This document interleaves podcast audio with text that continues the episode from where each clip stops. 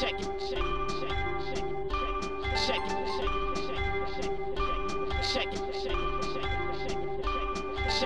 Zapraszamy na drugi odcinek podcastu Codrive.pl, a w nim ballada o Maxie Verstappenie i Lewisie Hamiltonie. Czy manewr z zakrętu czwartego był przepisowy? Co robił Lewis przez 29 okrążeń? Czy Michael Masti w końcu powinien ustąpić ze stanowiska? Rozmawiamy także o tym, jak Mercedes będzie się rozwijał w tym sezonie, a także o tym, czy Red Bull będzie potrafił wykorzystywać przewagę, którą miał w Bahrajnie. Pomówimy także o kulisach wyścigu z perspektywy Cezarego i Aldony. Na koniec o zaskoczeniach, zarówno tych pozytywnych, jak i negatywnych.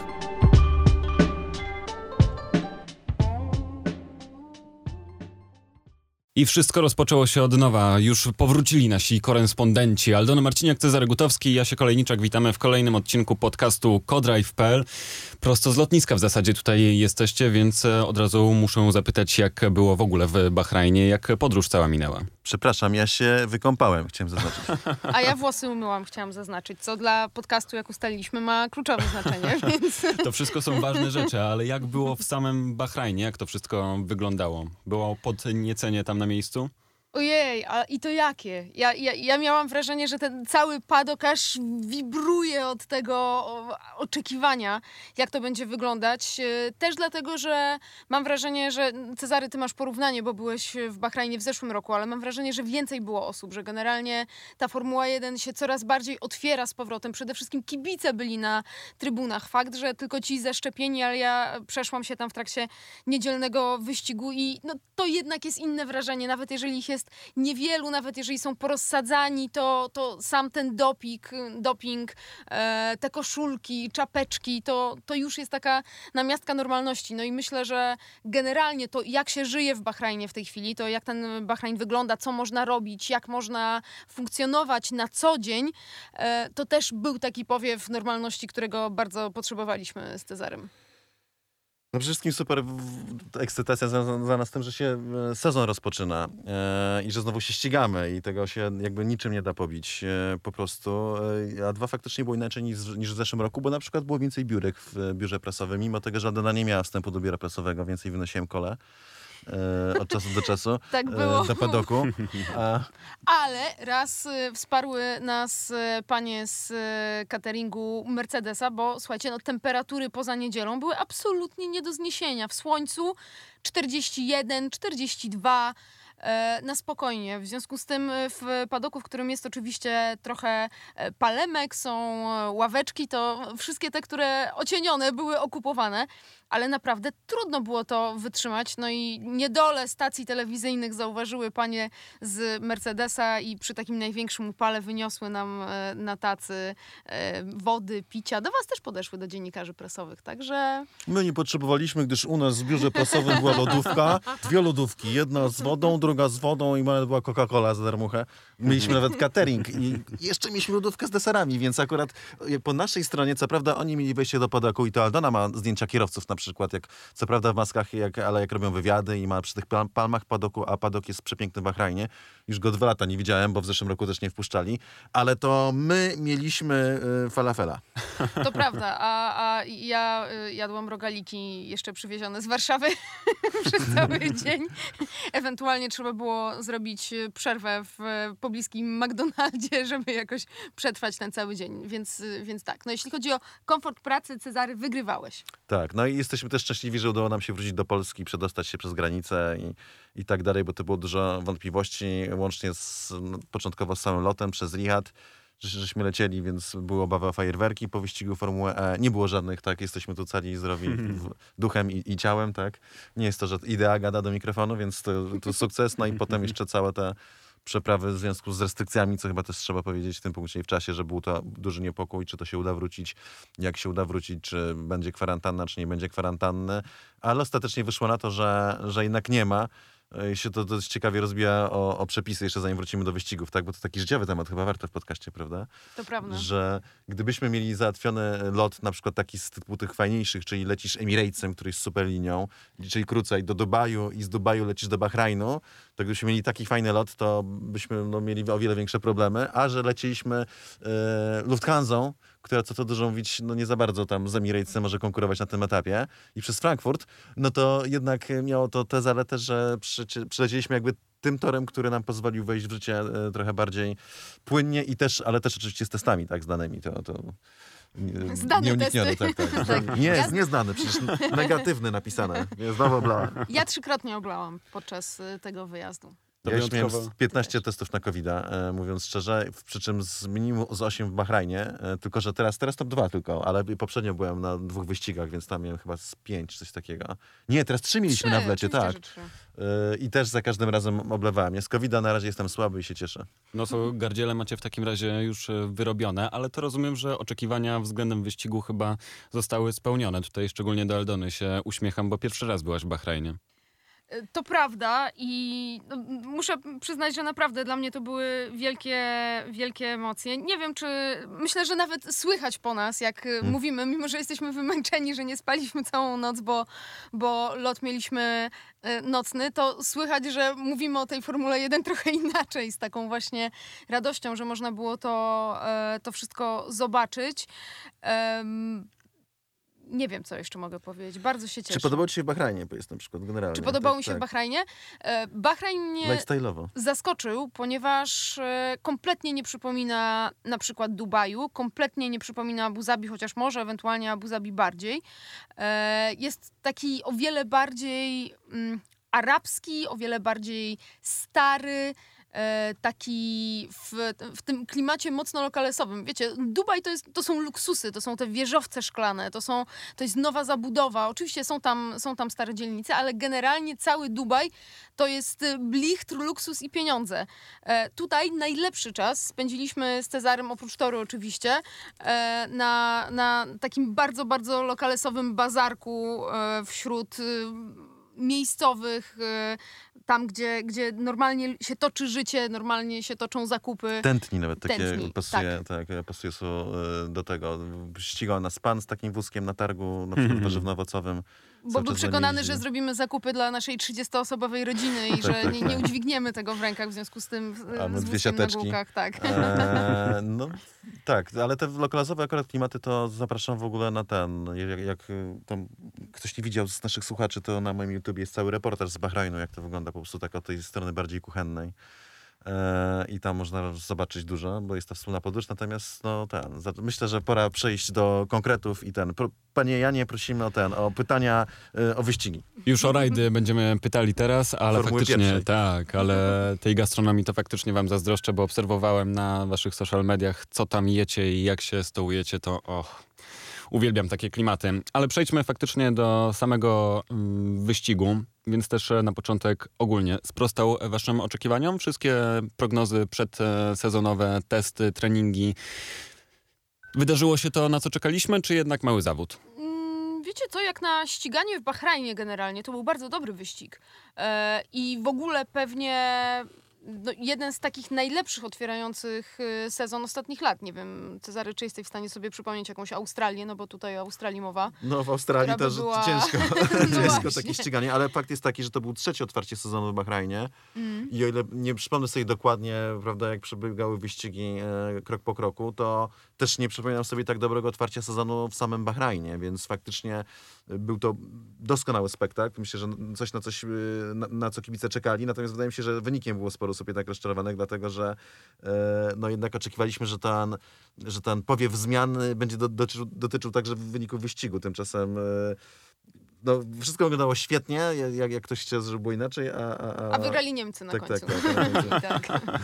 E, wiecie, e, znaczy, oczywiście to jest ten sam wynik, ale to jest inna Formuła 1, bo widać jak na dłoni, że to nie jest tak, że Mercedes już się maskuje, że ukrywa jakiś, e, jakiś potencjał. Red Bull był najszybszy w trybie kwalifikacyjnym zdecydowanie, te Nie prawie tylko moim 4 zdaniem dziesiąte. kwalifikacyjnym. To jest naprawdę, to jest naprawdę bardzo dużo. Potem oczywiście no, zagrała kwestia strategii, wszystkie sprawy związane z limitami toru, do tego zaraz przejdziemy, bo dużo kontrowersji też widzieliśmy to po naszych e, mediach społecznościowych, że też e, dużo na ten temat dyskutowaliście.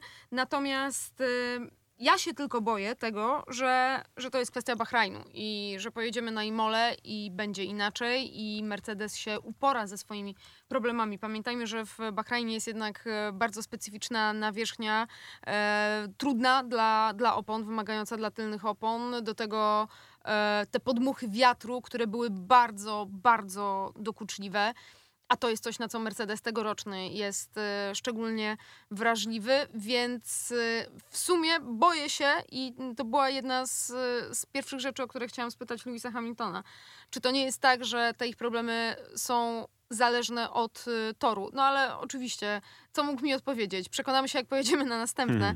E, My też przekonamy się, jak pojedziemy na następne. A w ogóle chciałem dodać, już jak była Aldona taka rep- jako reporterka y, i ekspertka i, i Lewano rozmawiała w ogóle ze wszystkimi tam, była y, ten, gwiazdą padoku, to jeszcze podpadła Louisowi Hamiltonowi, w sensie, że Louis się rozpytywał, kto to jest, jak, ja- jakie jest nazwisko, jak się ta pani nazywa, realnie, no op- op- opowiedz Aldona, nie? No, jest to sprawa naszego podcastu, no ale trzeba się z tym jak zmierzyć. Tak było, Cezary się odrobinę ze mnie e, podśmiewa. Rzeczywiście było tak, że, że podeszła pani z Mercedesa do ekipy Eleven, e, żeby spytać, e, jak ja się nazywam i powstała taka obawa, że no, coś nie tak, że Luis się obraził o coś, że trzeba będzie coś wyjaśniać, że coś przekazać, a okazało się, że, że nie, Luis po prostu chciał wiedzieć, jak mam na imię. No, z O. kim rozmawia. Z kim no, rozmawia. no. To bardzo miłe i e, zostałeś zapamiętane w takim razie. E, Cezary, ty mi wspominałeś dzisiaj off the record, że zasłyszałeś w padoku, mm, że Mercedes e, nie będzie spoczywał na laurach. Tak jak mówiliście, poprawki będą przygotowywane, ale to znaczy, że już tak naprawdę od przyszłego wyścigu wracamy do, do klasyka już nam znanego z ostatnich lat. Jest takie zagrożenie? Wątpię, wątpię. Znaczy trzeba mieć na względzie, że było kilka czynników, które pozwoliły wygrać ten wyścig Mercedesowi. To nie była tylko i wyłącznie wyśmienita jazda Louisa Hamiltona i super strategia Mercedesa. To było też pojechanie z regulaminem totalnie po krawędzi i że naprawdę, będziemy o tym zaraz dyskutować, bo to jest super ciekawy temat. Trudno jest ustalić do końca, kto jest, znaczy z całą pewnością winni są sędziowie, natomiast e, naprawdę można tu, tutaj przyjąć dwie interpretacje, patrząc na to, jak to jest napisane w regulaminie. Jedna jest taka, że Lewis Hamilton po prostu super sprytnie jako jedyny wykorzystał lukę, która została otwarta w sposób, mówiąc w skrócie, idiotyczny, poprzez suplement do e, regulaminu. Jakoś on jedyny tylko na to wpadł i się rodzi pytanie, czy to on jedyny na to wpadł, czy ktoś mu poszedł, poszedł i powiedział, wiesz Luis, tutaj jak będziesz jechał przez e, jakiś czas, dopóki się nie przyczepią, to nie zwrócimy uwagi, tak? Bo zwróć uwagę, przeczytaj to dość uważnie, ale do, do, do tego za chwilę e, przejdziemy. E, Czy e, z kolei jednak, e, no patrząc od drugiej strony regulaminu i zapisów i tego, jakie były ustalenia ustne, czy jednak Luis powinien dostać karę za to, że 29 razy po prostu nie to, że przekroczył, on po prostu zgwałcił nie centralnie ten regulamin. No szczerze, bo jeździł poza torem. I tutaj myślę, że o tym, o tym sobie pogadamy. Mm, To może zacznijmy, bo tak od, odsyłasz. A nie, bo jeszcze nie, bo jeszcze- jeszcze za chwilę. Nie, za chwilę, bo jeszcze o tej Imoli. E, A, A tutaj się już ten, w dygresję wpadłem dużą. E, My, słyszałem, że i też widać taką pewność Mercedesa, że Mercedes szykuje jakiś jeden, no nie będą cały czas pracować nad tym samochodem, dlatego że muszą robić auto na przyszły rok, a to jest objęte bardzo surowym budżetem, limitem budżetowym i także limitami e, pracy w tunelu aerodynamicznym. Natomiast co, coś się mówi, że Mercedes ma przygotować jakiś takie, taki strzał jeden zmian, który ma e, ich bardzo mm, poprawić generalnie, tak bardzo przyspieszyć. E, No i, no i idealny moment na zrobienie tego to jest Imola, choćby z tego względu, że Formuła 1 wraca do Europy. Więc o wiele łatwiej jest e, logistycznie te rzeczy zaaranżować. Dwa, że jest e, trzy, trzy tygodnie przerwy między wyścigami, więc jeżeli Mercedes ma wrócić do gry, nie na tej zasadzie, że się złożył tutaj szereg okoliczności sprzyjających, które pozwoliły pokonać Red Bulla, tylko będą z nimi walczyć jak równy z, z równym, jeśli chodzi o prędkość, no to Imola, ewentualnie no jeszcze Portugalia, tak? Kolejny wyścig. To, są, to, to jest ostatni moment, kiedy można, to zrobić, moim zdaniem. Więc wtedy się dopiero przekonamy. Natomiast jest jeszcze kwestia taka, na ile konfiguracja toru sprawia, że e, no, Ba- Bahrain był generalnie przychylny dla, dla Red Bulla. Może się okazać, że to jest taki sezon, że e, na przykład Imola albo chociaż bardzo wolne tory e, w wolnych zakrętach Mercedes ma problemy. ale jakiś inny rodzaj toru będzie bardziej sprzyjał Mercedesowi, więc tutaj jeszcze jest bardzo dużo rzeczy do wyjaśnienia ja jednakowoż myślę, że przewaga Red Bulla była większa nawet niż to było widać w tym, e, w, przede wszystkim w kwalifikacjach, bo Max miał uszkodzoną podłogę e, i stracił na tym trochę czasu. I także e, w wyścigu, co prawda w pierwszej fazie wyścigu nie był w stanie uciec Luisowi, Pamiętaj o problemach z y, dyferencjałem. tak, ale miał problem z dyfrem, raz, a dwa, no Luis w zasadzie przez 29 okrążeń jechał poza terem grubo, nie? Bardzo sobie tą drogę jakby przyspieszał tę trajektorię, tam były różne wyliczenia, ile mógł zyskać. Ja może poleciałem trochę grubo, że pół sekundy, może to przesada. Natomiast jak ktoś mi powie, że to jedna dziesiąta, to moim zdaniem to jest duże niedoszacowanie. Plus jeszcze jest niedoszacowanie w kwestii opon, chociaż Luis tu się nie zgodzi, bo tu też wrzucił konfabulację, ale myślę, że to też przejdziemy krok po kroku. W każdym razie, nawet jakby zyskiwał tylko jedną dziesiątą sekundy na okrążeniu, w Formule 1 jedna dziesiąta na okrążeniu, to jest na, przez 29 okrążeń to jest 2,9 sekundy. To jest y, przegrać, wygrać albo przegrać, nie? To, to jest dokładnie taka różnica. Więc e, wydaje mi się, że przewaga Red Bulla była większa niż pokazał to przede wszystkim wynik tego wyścigu. Tutaj Aldona robisz kwaśne miny do tego, co, co Cezary mówi, więc e, proszę o odpowiedź. Proszę się wytłumaczyć e, przed słuchaczami, dlaczego robi pani kwaśne miny do mikrofonu. Proszę Państwa, bo już tutaj jestem w blokach startowych, żeby opowiedzieć o e, regulaminie, o tym, co jest dokładnie zapisane, bo też na pewno zastanawialiście się nad tym i dyskutowaliście mm, pewnie z, ze znajomymi. A więc e, przede wszystkim, e, oprócz normalnego regulaminu sportowego, przed każdym e, wyścigiem, nie tylko przed każdym wyścigiem, ale generalnie bardzo często nawet każdego dnia, wychodzą e, takie Race Directors Notes wytyczne dyrektora wyścigu, czyli Michaela Masiego, co do tego, jak postępować e, w różnych miejscach. Znaczy, inaczej, te wytyczne dotyczą bardzo wielu różnych rzeczy. Nie wiem, procedury po kwalifikacjach, gdzie się ustawiamy, czy się ustawiamy na pit lane, czy się ustawiamy na prostej. Gdzie można linię przeciąć ciągłą, gdzie nie można. Dokładnie, przeróżne, najprzeróżniejsze rzeczy, gdzie mogą fotografowie stać, gdzie nie mogą. E, Szereg, szereg, różnych, e, szereg różnych kwestii. Które dodam, przepraszam, że wejdę, muszą być Oczywiście. dostosowane do, do toru, bo tory się różnią mają różne pobocza, różne szerokości, różne wyjazdy z boksów i wjazdy, to się do, z, to, z tego bierze. Nawet jest, e, jest e, mm, punkt poświęcony temu, gdzie są gaśnice przy torze, albo, Żeby kierowca mógł stanąć, tak, jak najbliżej gaśnicy, jak coś się pali. albo w których e, miejscach można wjechać na tor, żeby wyciągnąć, wyciągnąć samochód. A jeszcze widziałem, gdzie są toalety, bo byłem na torze to są takie okrągłe budki, nawet mam zdjęcia szambiarek. Znaczy nie, to chyba był, że wodę uzupełniał. Przepraszam, bo- a, to, te, czy, a czy to też jest w bi- biuletynie, czy nie? E, Czy na to kierowca jednak już jak musi jechać? to- e, Wiesz co, e, jakby... Musi nie- być sam zorientowany. Nie, nie, nie przeczytałam każdego z tych punktów zawartych w tych 10 stronach. W każdym razie przed, przed tym wyścigiem została następująca 10-stronicowa właśnie taka dyrektywa wydana. Punkt 21 do, dotyczy limitów torów. Punkt 21,1. E, Sesje treningowe. Okrążenie uzyskane podczas jakiejkolwiek e, sesji treningowej przy wyjeździe poza tor prze, i mm, przecięcie e, biało-czerwonej tarki na wyjściu z zakrętu numer 4 e, będzie skutkowało wykasowaniem czasu przez sędziów. Tyle, jeśli chodzi o treningi. Wyścig, to jest punkt 21.2. W- e, A. E, Limity toru na wyjściu z zakrętu numer 4 nie będą monitorowane, mm, jeśli chodzi o ustanowienie e, czasu okrążenia, e, a mm, zdefiniowane limity toru to sztuczna trawa i pułapka żwirowa. W I tym tu miejscu. jest pies pogrzebany. To jest bardzo ważny zapis. To jest pierwsze. I punkt B.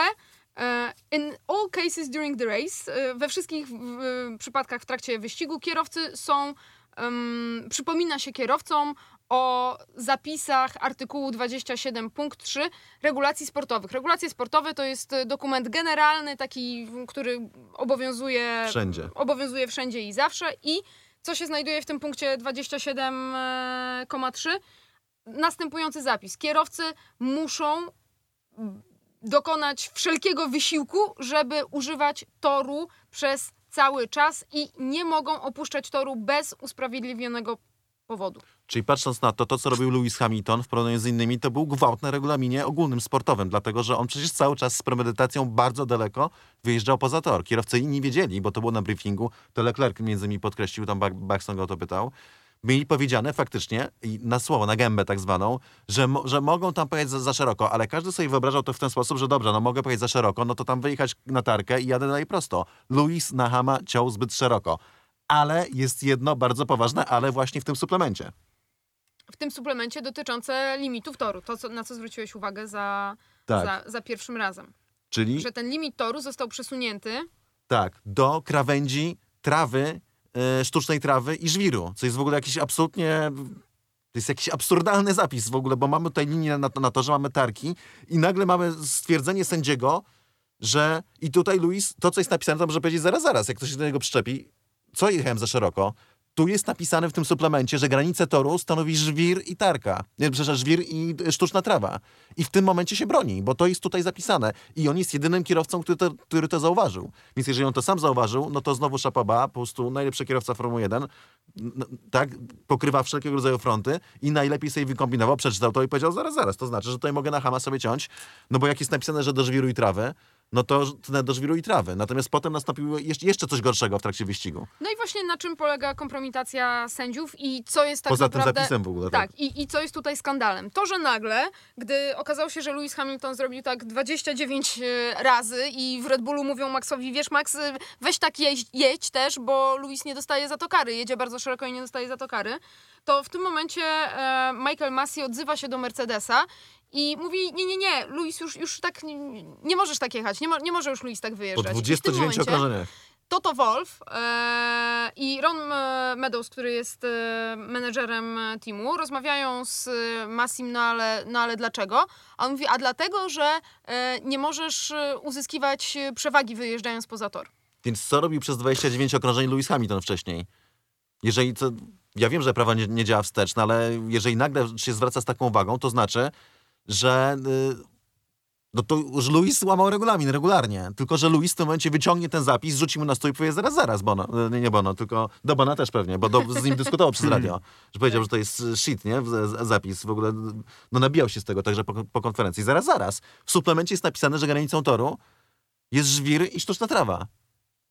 Co to jest za bubel prawny w ogóle? Jak można coś takiego wypuścić? Formuła 1 strasznie źle jest sędziowana już od jakiegoś czasu. Odkąd Masi został sędzią gorzej. Za Charliego bywały różne sytuacje kontrowersyjne. Odkąd Masi przyjął e, pałeczkę, jest coraz gorzej. I tutaj moim zdaniem ostatecznie podziw dla Luisa, bo on to, co mu jest napisane, to, co jest napisane, to on wykorzystał. I nawet jak na odprawie ktoś powiedział, że no, żeby tutaj trzymać te, się, że można, ale żeby jednak pilnować, to to jest na gębę. A tu jest napisane w, w oficjalnym dokumencie, że granicę toru stanowi żwir i trawa. I ja, i ja się pytam, dlaczego? O, po jaką cholerę jest tam linia narysowana? Skąd to się wzięło w ogóle? Tak, także jakby nasze oburzenie tutaj na, na, na, na to, co się działo, nie wynika z tego, że sędziowie kazali oddać e, Maxowi pozycję. Bo zrobili dobrze, no nie wolno przejść poza torem. Aczkolwiek jak granica toru znowu jest... y, Na, No właśnie, to czy to jest poza torem, czy to nie jest poza torem? No widzisz, no, no sami na siebie ukręcili, ukręcili w tym momencie e, bat i, i, i no, kompromitacja, to jest to, kompromitacja. to jest kompromitacja i to nie jest tylko, tylko nasza opinia, bo też rozmawialiśmy o tym potem w, z różnymi dziennikarzami. No i takie opinie się niestety przywijają, że Michael Massey po prostu nie ma, e, no, nie ma szacunku u, u zespołów i u kierowców, a w pozycji dyrektora wyścigu to jest, e, no, to jest dyskwalifikujące. Nie w ogóle, to, że tak powiem, e, tak zwana puszka z Pandorą, jakby to powiedziała pani Dulska, została otwarta w momencie, kiedy no, wypuścił Massi, pozwolił nowe puszczenie dokumentu, które pozwala, który wyznacza nowe limity toru poza linią toru. A potem jeszcze to zmiał wyścigu. To jest w ogóle absolutnie niedopuszczalne. Natomiast e, moim zdaniem, znaczy nie wiem, czy Luis został o tym poinformowany i czy to zostało rozegrane po prostu specjalnie, żeby jeszcze mu pomóc, bo tak, takie rzeczy mogły się dziać po prostu. Nieraz miał wsparcie Luis takie czy inne, mniej oficjalne, y, co było czasem można zrozumieć z zewnątrz, jak ktoś jest inteligentny i widzi, y, wie jak to działa, czasem usłyszeć od środka, czy to Luis sobie sam wykombinował. Y, Natomiast no, oni zmienili zdanie, nie? W, w, w trakcie wyścigu.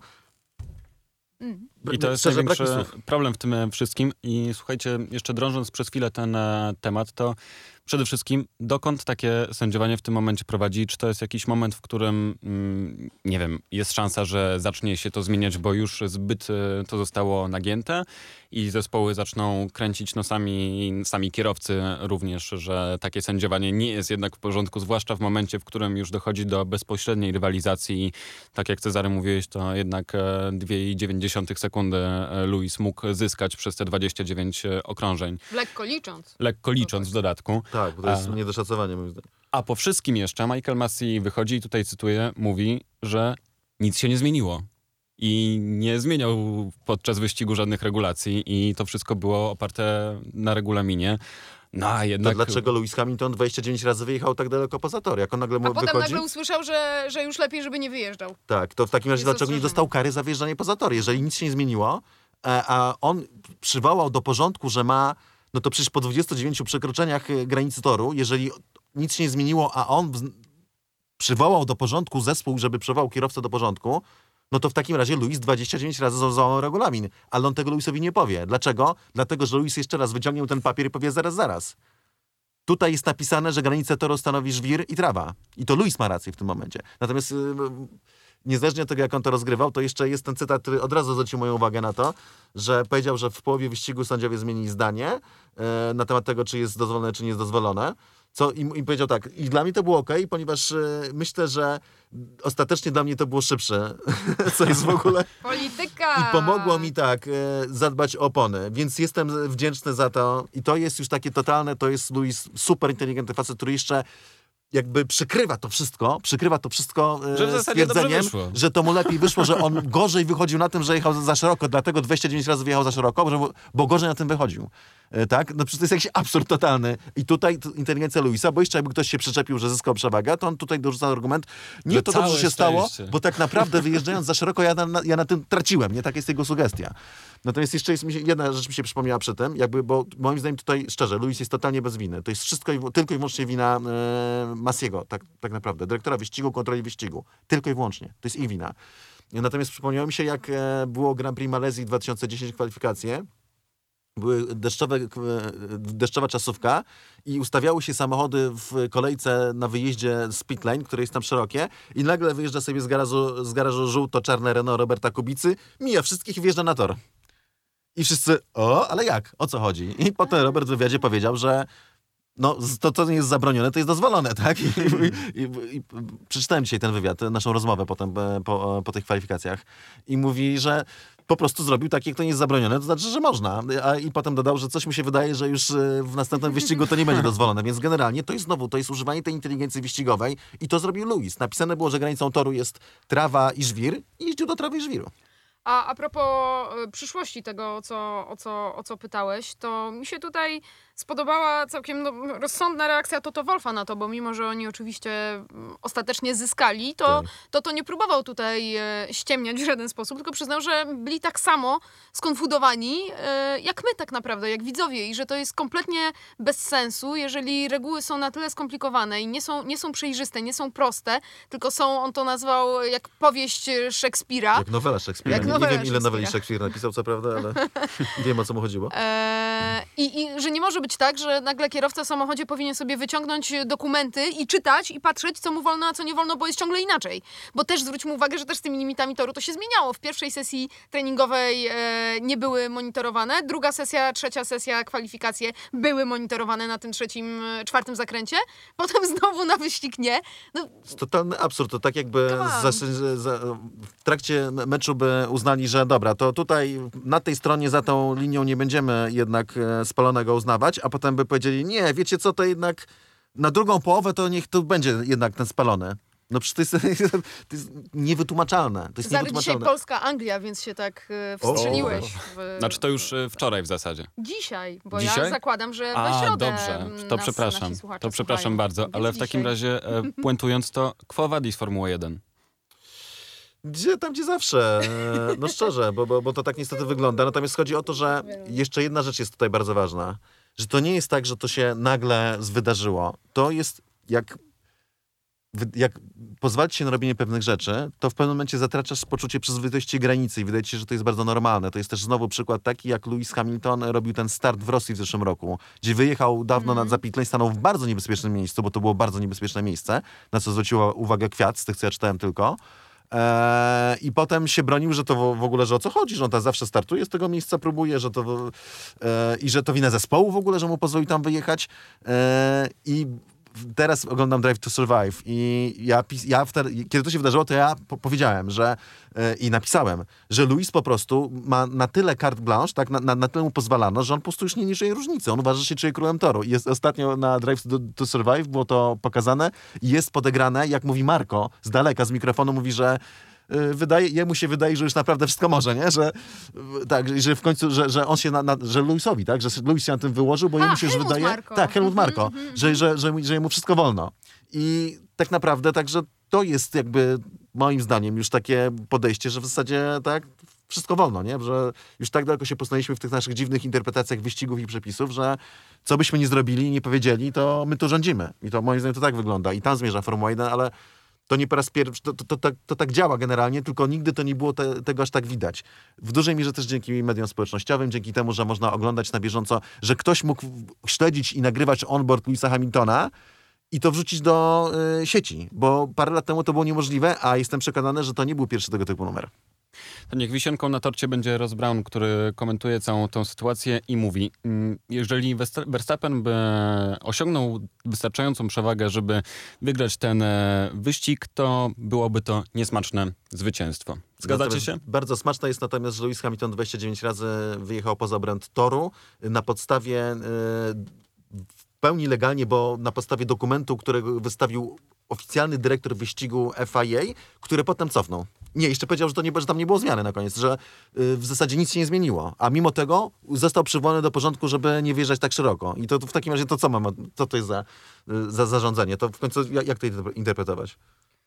Myślę, że rozpracowaliśmy temat. Aż się Tak, tak. zdenerwowałeś troszkę. Nie, szczerze, a bo, tym bardziej, że ja uważam, że Max Verstappen, wolałbym, żeby Max Verstappen wygrał ten wyścig, e, dostając karę 5 sekund, chociaż nie wiadomo, bo tam sędziowie miał do dyspozycji 5 albo 10 sekund i wtedy by sędziowie decydowali, bo na 10 by nie uciekł, na 5 by pewnie uciekł, na 10 nie.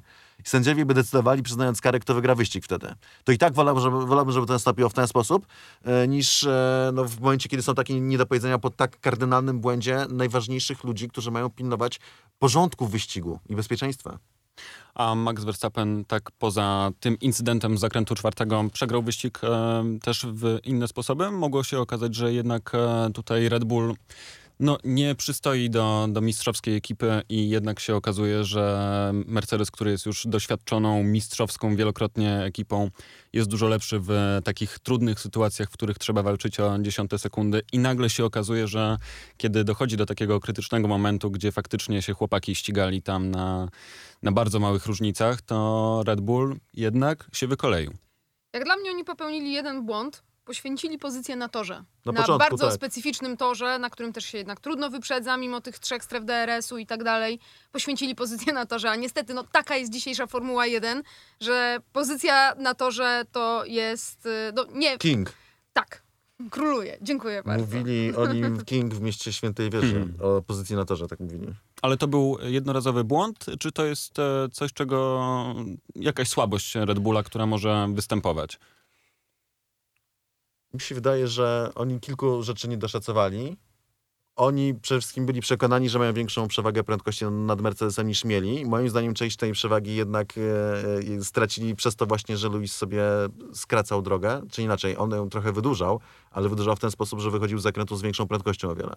Więc e, de facto skra- skracał sobie czas okrążenia. To było wiele, jak to w Formule 1, bardzo du- dużo bardzo drobnych e, elementów się na to złożyło, a Red Bull moim zdaniem czuł się na tyle pewni, że uznali, że jak Lewis sobie zjechał, bardzo wcześnie, to oni i tak oni go czystym tempem ostatecznie e, wyprzedzą. A i to i wytykał Red Bullowi cały czas Max Verstappen e, podczas mm. konferencji. Kilka, cały czas powtarzał. Chyba we wszystkich językach, jak- jakie zna. Ja cztery razy słysza- słyszałem, jak po angielsku mówi, przy różnych wypowiedziach, że to, co mówi Aldona, że track position Aha. jest najważniejsze, że pozycja na torze jest najważniejsza i że tutaj się e, pośliznęli. Więc błędem też jak zobaczyłem, że ściągają Luisa, wcześniej Mercedes, i że jak e, Red Bull nie robi tego samego Mhm. kółko później, co ja zacząłem myśleć, o co im chodzi, czy naprawdę czują się aż tak pewnie? No okej, w takim razie, no mieli dużą przewagę, pół sekundy w kwalifikacjach, mają wszystko pod kontrolą. Ja to tak od, odczytałem. A I tam- sądzę, że oni też tak to odczytali. A tam w jednym tylko sektorze, potem na e, pierwszym kółku Luis po zmianie opon półtorej sekundy nad Maxem. na je, w jednym sektorze. Mm. Także Tutaj a propos tej pozycji na torze, bo wyjąłeś mi to po prostu e, z ust, teraz miałem was o to odpytywać, ale Max przy tych wywiadach jeszcze mówił e, o tym, że nie dość, że bardzo ważna jest pozycja na torze, to jeszcze mówi, że problemem są samochody, które są bardzo ciężkie do wyprzedzania w tych czasach, a zresztą przed weekendem w Bahrajnie e, na social mediach Red Bulla bodajże Max wspominał e, lata 2006-2007 i mówił, jakie to były piękne, fantastyczne wtedy bolidy Jak i że to było tak. tak. i że to było ściganie. To jest kolejne, kolejna słabość, kolejna niepełnosprawność jakaś obecnej Formuły 1? No którą próbujemy e, Tak. rozwiązać tymi przepisami na, na, na przyszły rok. Tak naprawdę wszystko, co jest robione, jest robione po to, żeby ten... Nie wszystko. Znaczy, No dobra, masz rację. Przepraszam. Masz Ale... rację, ale, ale główna idea, która przyświeca tym zmianom regulaminu, mm, jest taka, żeby samochody były e, mniej wrażliwe na utratę docisku aerodynamicznego, żeby można było po prostu jechać jeden za drugim. E, Dłużej, Bo, ale tam cały czas punkt, się, punkt krytyczny i dlatego na przykład kierowcy i najbardziej Vettel krytykują e, te spri- sprinterskie wyścigi. Punkt krytyczny Formuły 1 kry, kryje się w miejscu, o którym się mówi bardzo niewygodnie, dlatego że dotyczy e, jednego z e, głównych sponsorów Formuły 1 i partnerów technologicznych. Są opony.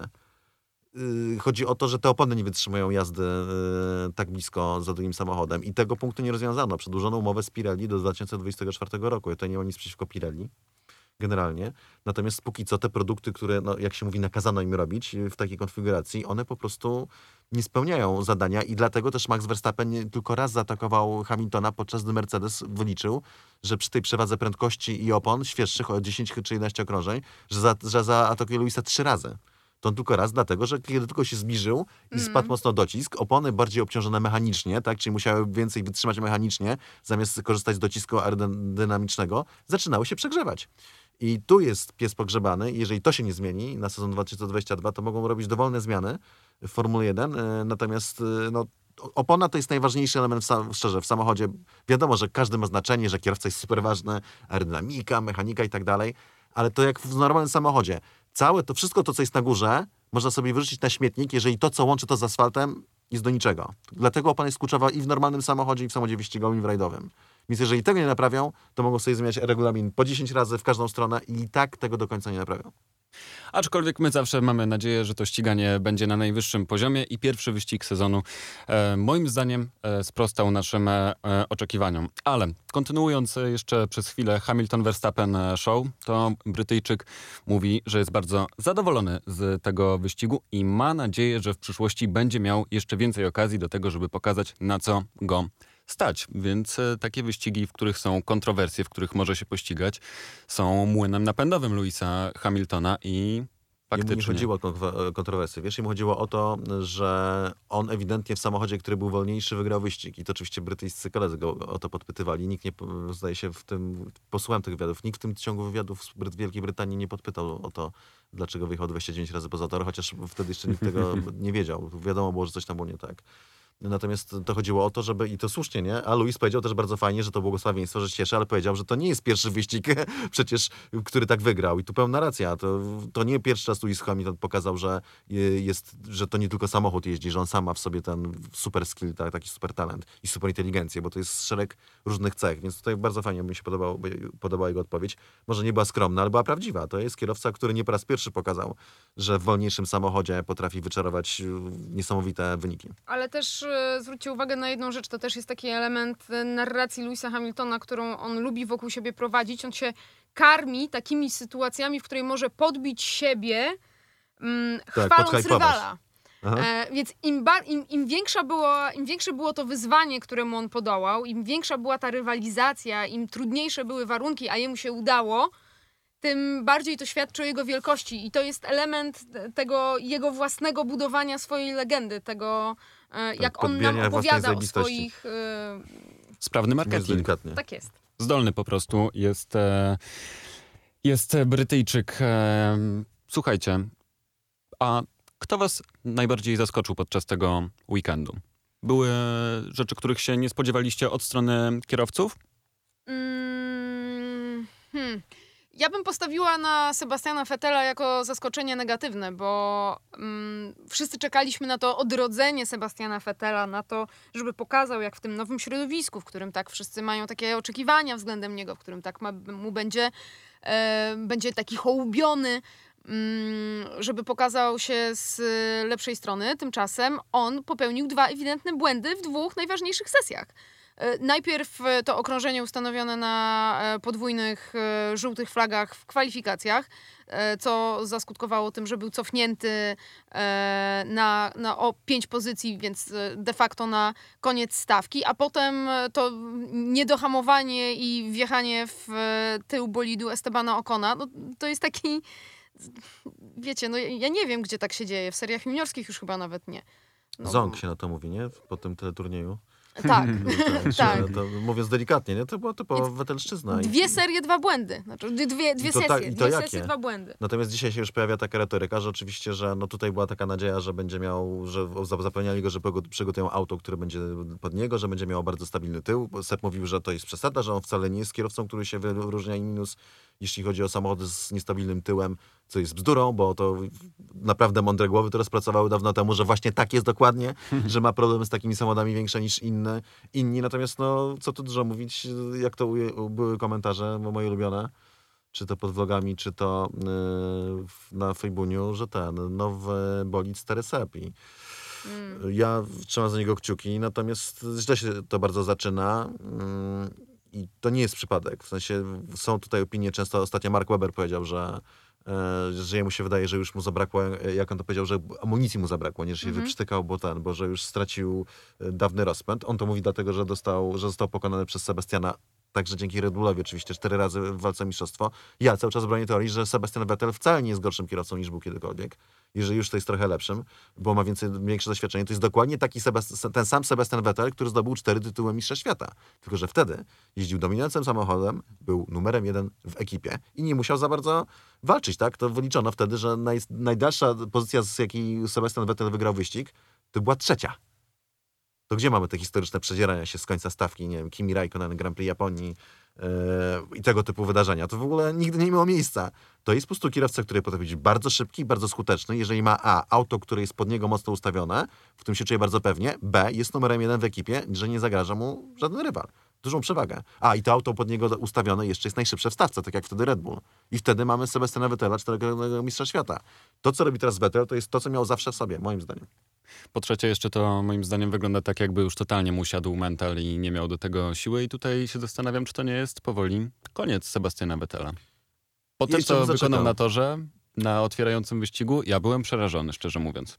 Ja bym jeszcze zaczekał z tego względu, że ostatecznie nie jest to pierwszy wyścig, że jeździ mało w testach tym samochodem, że e, nie każdy kierowca potrafi po wyjściu do samochodu zbliżyć się do niego, do potencjału tego auta tak bardzo jak Daniel Ricardo, a jednak Daniel był tutaj pod tym względem gwiazdą. Myślę też, że, mm, że Fernando Alonso e, świetnie wypadł, mimo tego, że tam się, jak się tam mieszał z tym, z e, Vettelem i z Sainzem, jakby taka mieszanka, to trochę tam przeszedł, ale to on dla, zabawy, nie? To próbował wyczuć znowu limity i tak dalej, wjeżdżał się w ten, ale to e, gdyby nie miał dwóch lat przerwy, to byłbym zdziwiony, że Fernando Alonso zrobił coś takiego, mówiąc w skrócie. Natomiast też był, był, był no, bardzo miłą niespodzianką, natomiast Seb, Seb e, potrzebuje z całą pewnością więcej czasu na to, to nie jest niespodzianka, ale może jednak faktycznie po jakimś tam czwartym czy szóstym wyścigu też dojdzie do wyższego poziomu poprzez lepsze zrozumienie samochodu. Ja się pytam, kto Fernando włożył tą, e, to opakowanie po kanapkach? Nie jedliście przypadkiem, Aldona, jak tam po padoku się kręciłaś? No, zgubiłaś ciągle coś czegoś? E, Słuchajcie, widziałam jak e, Fernando wracał e, w padoku, szedł do garażu. W tym momencie smutny był strasznie, zasuwał, szybko mknął przez ten padok, otoczony oczywiście kamerami Netflixa, które nie odstępowały tam na krok bohaterów naszych. Przykry koniec, ale generalnie Fernando zrobił na mnie bardzo dobre wrażenie. Sposób, w jaki tak otwarcie opowiadał o tych emocjach. Nie próbował tutaj czarować i jakiejkolwiek PR-owej narracji nam, nam, nam wprowadzać. On wyszedł i, i, przyznawał. Mnóstwo rzeczy jest dla mnie, dla mnie innych. To była wielka adrenalina i widać było po nim, że on znowu jest tak trochę jak dziecko, które wpuszczasz na plac zabaw od nowa. E, bardzo fajnie się na to patrzyło. Nie mówił nic o drodze samuraja, tak? Jak to kiedyś Nie, nie, nie, zwyczaju, nie, nie, nie, nie, nie twardej było- gry takie. Nie, o, nie było tak żadnej z duchowości tym razem. Też mi zauważyłem, że się zrobił trochę bardziej otwarty. Ja pamiętam, jak ja pierwszy raz robiłem wywiad z Alonso i to był rok coś w stylu 2002. E, I to było na premierze Renault, bo to był ten rok, zdaje się, kiedy on e, w kiblowie, mówiąc w skrócie, nie? w sensie, że pojechał pierwszy rok z Minardi. E, na drugi rok został już ściągnięty od razu, a już, a już Briatore go wrzucił do Minardi. Został wciągnięty do Renault, musiał zaczekać, aż się zwolni kontrakt. Batona chyba wtedy wywalali, żeby wszedł Alonso. Aż się skończy kontrakt, że mógł jeździć i miał zostać kierowcą e, takim testowym, co w, w tamtych czasach kierowca testowy to było dużo jazdy, mówiąc w skrócie, i rezerwowym. E, I robiłem z nim pierwszy wywiad dla Kanalu Plus, kiedy on był najmniej ważny na tej premierze, bo przecież był Trulli i Baton, jeśli dobrze pamiętam, to był ten skład. I on wtedy, kurde, powiem wam szczerze, że y, był o wiele bardziej taki właśnie pewny siebie i wręcz arogancki. Nic mu, to nie jest zarzut, nie? W sensie każdy nie, ma prawo być jaki był. To go doprowadziło do, do, do tego punktu. I o wiele bardziej taki zamknięty i, i, no mówiąc w skrócie arogancki niż teraz jest. Teraz jest takim po prostu zmądrzał, nie? Wy- Wydoroślał, też zdaje sobie sprawę, że jednak to jest duże wyzwanie wrócić do Formuły 1 po dwóch latach przerwy na tak wysokim poziomie, na jakim jest Formuła 1, a co tu dużo mówić, y, na wyższym nigdy nie była. Jak e, Alonso zjechał z toru, to sobie pomyślałem, że oj, wspomnienia z McLarena wracają. Fernando nie będzie zadowolony, jak wysiądzie z bolidu, no ale miejmy nadzieję, że to raczej e, jednorazowa sytuacja. A powiedzcie, jakie e, myślicie, że były nastroje w Red Bullu po wyniku Sergio Pereza? Czy po epizodach z Albonem i Gaslim w końcu nastał spokój, jeżeli chodzi o drugiego kierowcę?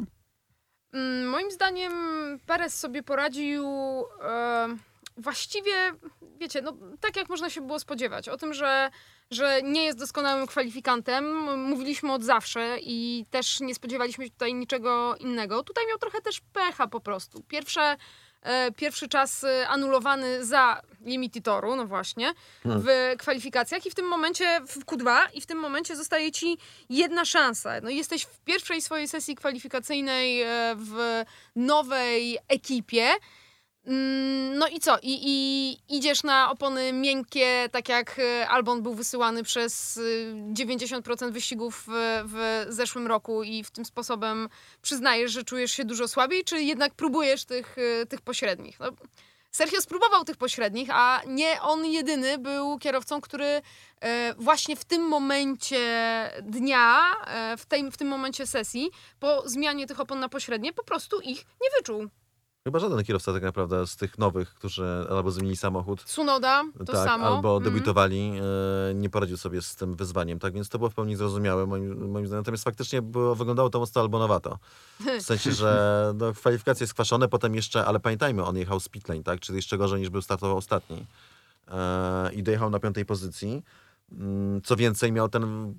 Auto mu zgasło po prostu. I on z, mówi, że już był gotowy wysiąść z samochodu, ale odezwał się do niego inżynier i zrebutował samochód, odpalił, dojechał do garażu, stanął na końcu pita i wystartował w wyścigu. Co zrobiło bardzo duże wrażenie, bo to jest jego pierwszy wyścig w tym samochodzie. On nim jeździł trzy dni.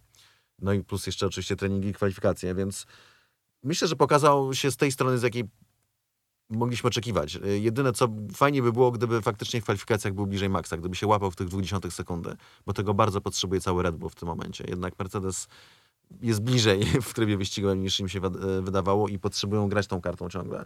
Tak więc, e, no tutaj jest znak zapytania. Natomiast pytałeś jeszcze o kierowców. Yuki Tsunoda zrobił na mnie wrażenie duże.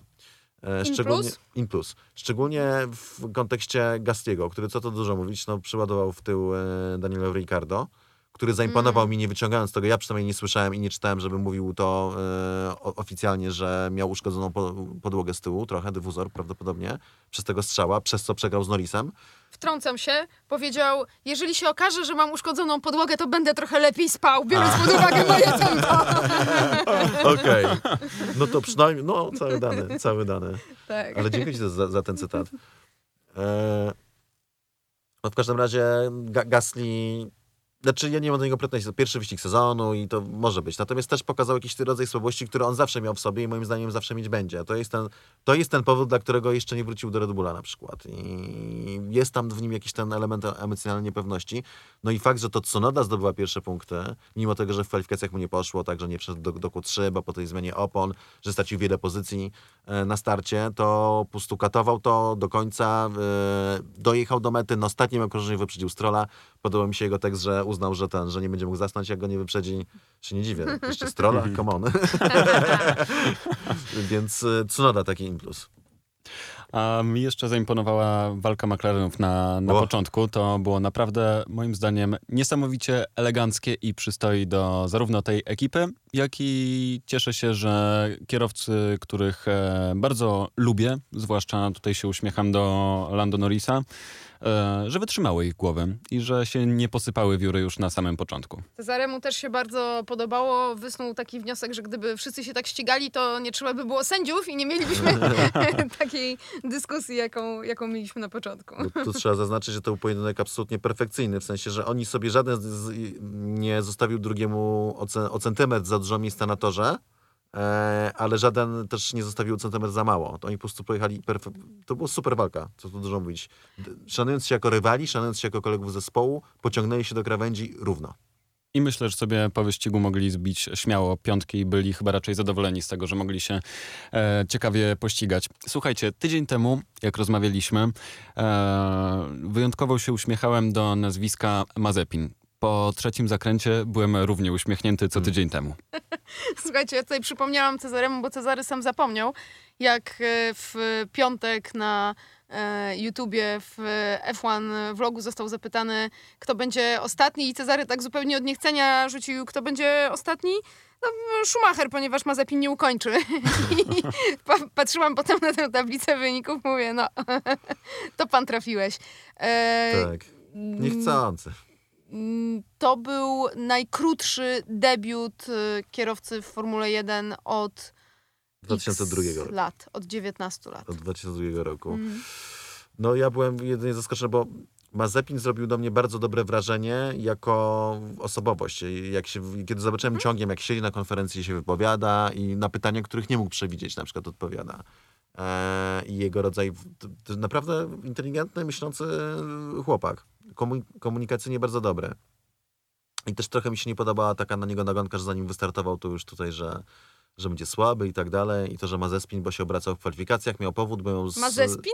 Mazepin. O, bo miał Nie słyszałam zepsute, e, po prostu miał Tak. zepsute, zepsute hamulce, natomiast i potem patrzę na ten start wyścigu i patrzę, ten bolid dziwnie się zachowuje i myślę sobie, kurde, no, no na bank wypadł, bo coś z samochodem nie tak, prawdopodobnie znowu hamulce albo coś w tym stylu.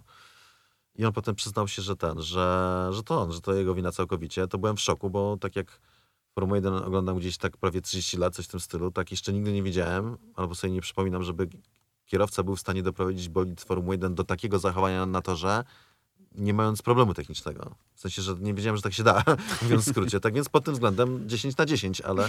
Ja, z- nie wiem, czy o to chodzi. Tak. Szukał limitów, ewidentnie. No i to Ewidentnie. tak w- i konsekwentnie tak bardzo. Ale nie, słuchajcie, naprawdę y, ja bym chciała to jeszcze raz podkreślić, bo ja miałam dokładnie takie samo wrażenie y, jak ty, gdy rozmawiałam z Mazepinem, że jest to chłopak naprawdę ogarnięty i po tej całej aferze wizerunkowej nie spodziewałam Którą się, nazywam cyckową. Tak. nie spodziewałam się, że stanie przed nami człowiek, który jest e, tak em, rozsądny tak naprawdę I, i, i właśnie zupełnie nie ma w sobie tego, tego gościa, który e, w, w, wciska rywali w ścianę i zdobywa tych 11 punktów karnych w Formule 2. Nie wiem, czy to zima dobrze na niego zadziałało, czy, czy po prostu e, popracował trochę z jakimiś ekspertami od PR-u, ale wrażenie zrobił bardzo dobre. Teraz czas zrobić takie samo na torze. Słuchajcie, dobijajmy w takim razie do końca i powiedzcie po pierwszym wyścigu, jak sądzicie, jaki to będzie sezon? Uuu, Jak no, kuchnia. Pełna niespodzianek. Nie, wierzę, że będzie to sezon bardzo zacięty. Wiele będzie zależało od, od Mercedesa, co zrobi, dlatego że ta przewaga Red Bulla była większa niż pokazał to wynik wyścigu i przebieg tego wyścigu. I to jeszcze raz powiem, no to złożyło się na to wiele czynników, błęd, błąd strategiczny na początku, może trochę za dużo buty, e, Red Bulla i pewności siebie, to, że Luis przejechał połowę dystansu poza torem, y, tak, i na, to nam bardzo mu pomogło na pewno, jeżeli już to zmniejszyło zużycie opona, nie zwiększyło, tak jak to sugerował sprytnie. E, więc z, ka- z każdego kawałka z tej idealnej strategii Mercedesa wyrwał to zwycięstwo. To było fenomenalne zwycięstwo, też defensywę, no jak to Luis, świetnie się bronił. Natomiast e, Red Bull ma większą przewagę niż to pokazał e, Bahrain, przynajmniej na tym typie toru. I przypuszczam, że ona będzie mniej lub bardziej, jeżeli Mercedes za te trzy tygodnie niecałe nie wprowadzi czegoś magicznego faktycznie, e, w, na Imoli, a to ma być rozwiązanie, co to dużo mówić. Chodzi o to, żeby ustabilizować tył, tak, żeby koncepcja, według której został zbudowany zeszłoroczny Mercedes, bo w dużej mierze się opiera cały czas to auto na zeszłorocznym, żeby dopasować tamtą koncepcję e, do podniesionego tyłu, czyli do filozofii high rake. Teraz on był robiony, żeby jeździć z low rake, czyli niż, niżej tył opuszczony, poprzedni. Ten jest bazowany, bazowany na, na poprzednim. Główny e, problem polega na tym, że teraz bardziej przy obciętej podłodze się opłaca właśnie, żeby było w koncepcji Red Bulla, czyli tym, tego podniesionego tyłu. Więc jeżeli to zrobią, jeżeli się z tym e, uporają, to wydaje mi się, że czeka nas sezon bardzo zaciętej walki. E, A jeżeli nie, to myślę, że prędzej czy później jednak ta przewaga Red Bulla będzie coraz bardziej dotkliwa i Mercedes odpuści i będzie się szykował na sezon 2022 i nowe bolidy. Po prostu nie będą, oni nie mają pieniędzy na to, e, inaczej, pieniądze mają, ale nie mają w limicie. Ale do nie mogą ich dyspozycji. wydać. Tak, nie mogą ich wydać, żeby ciągnąć temat zbyt długo i tak samo nie mają e, wystarczająco dużo czasu w CFD, czyli w symulacjach komputerowych i w tunelach aerodynamicznych. Więc jeżeli to Red Bull tak ich jeszcze pociągnie trochę, jeżeli nie, nie, znają, nie znajdą tego złotego środka, to to się no, po sześciu tam, ośmiu, znaczy Luis nie od, do, będzie walczył do końca, ale po sześciu, ośmiu wyścigach sądzę, że Red Bull będzie już, że Max będzie miał nie to w kieszeni, bo z Luisem nigdy nie wiesz, ale już no, będzie miał ten margines, żeby, żeby czuć się swobodniej. A jeżeli wyciągną to, no to w tym momencie myślę, że do końca sezonu będziemy mieli przepiękną walkę.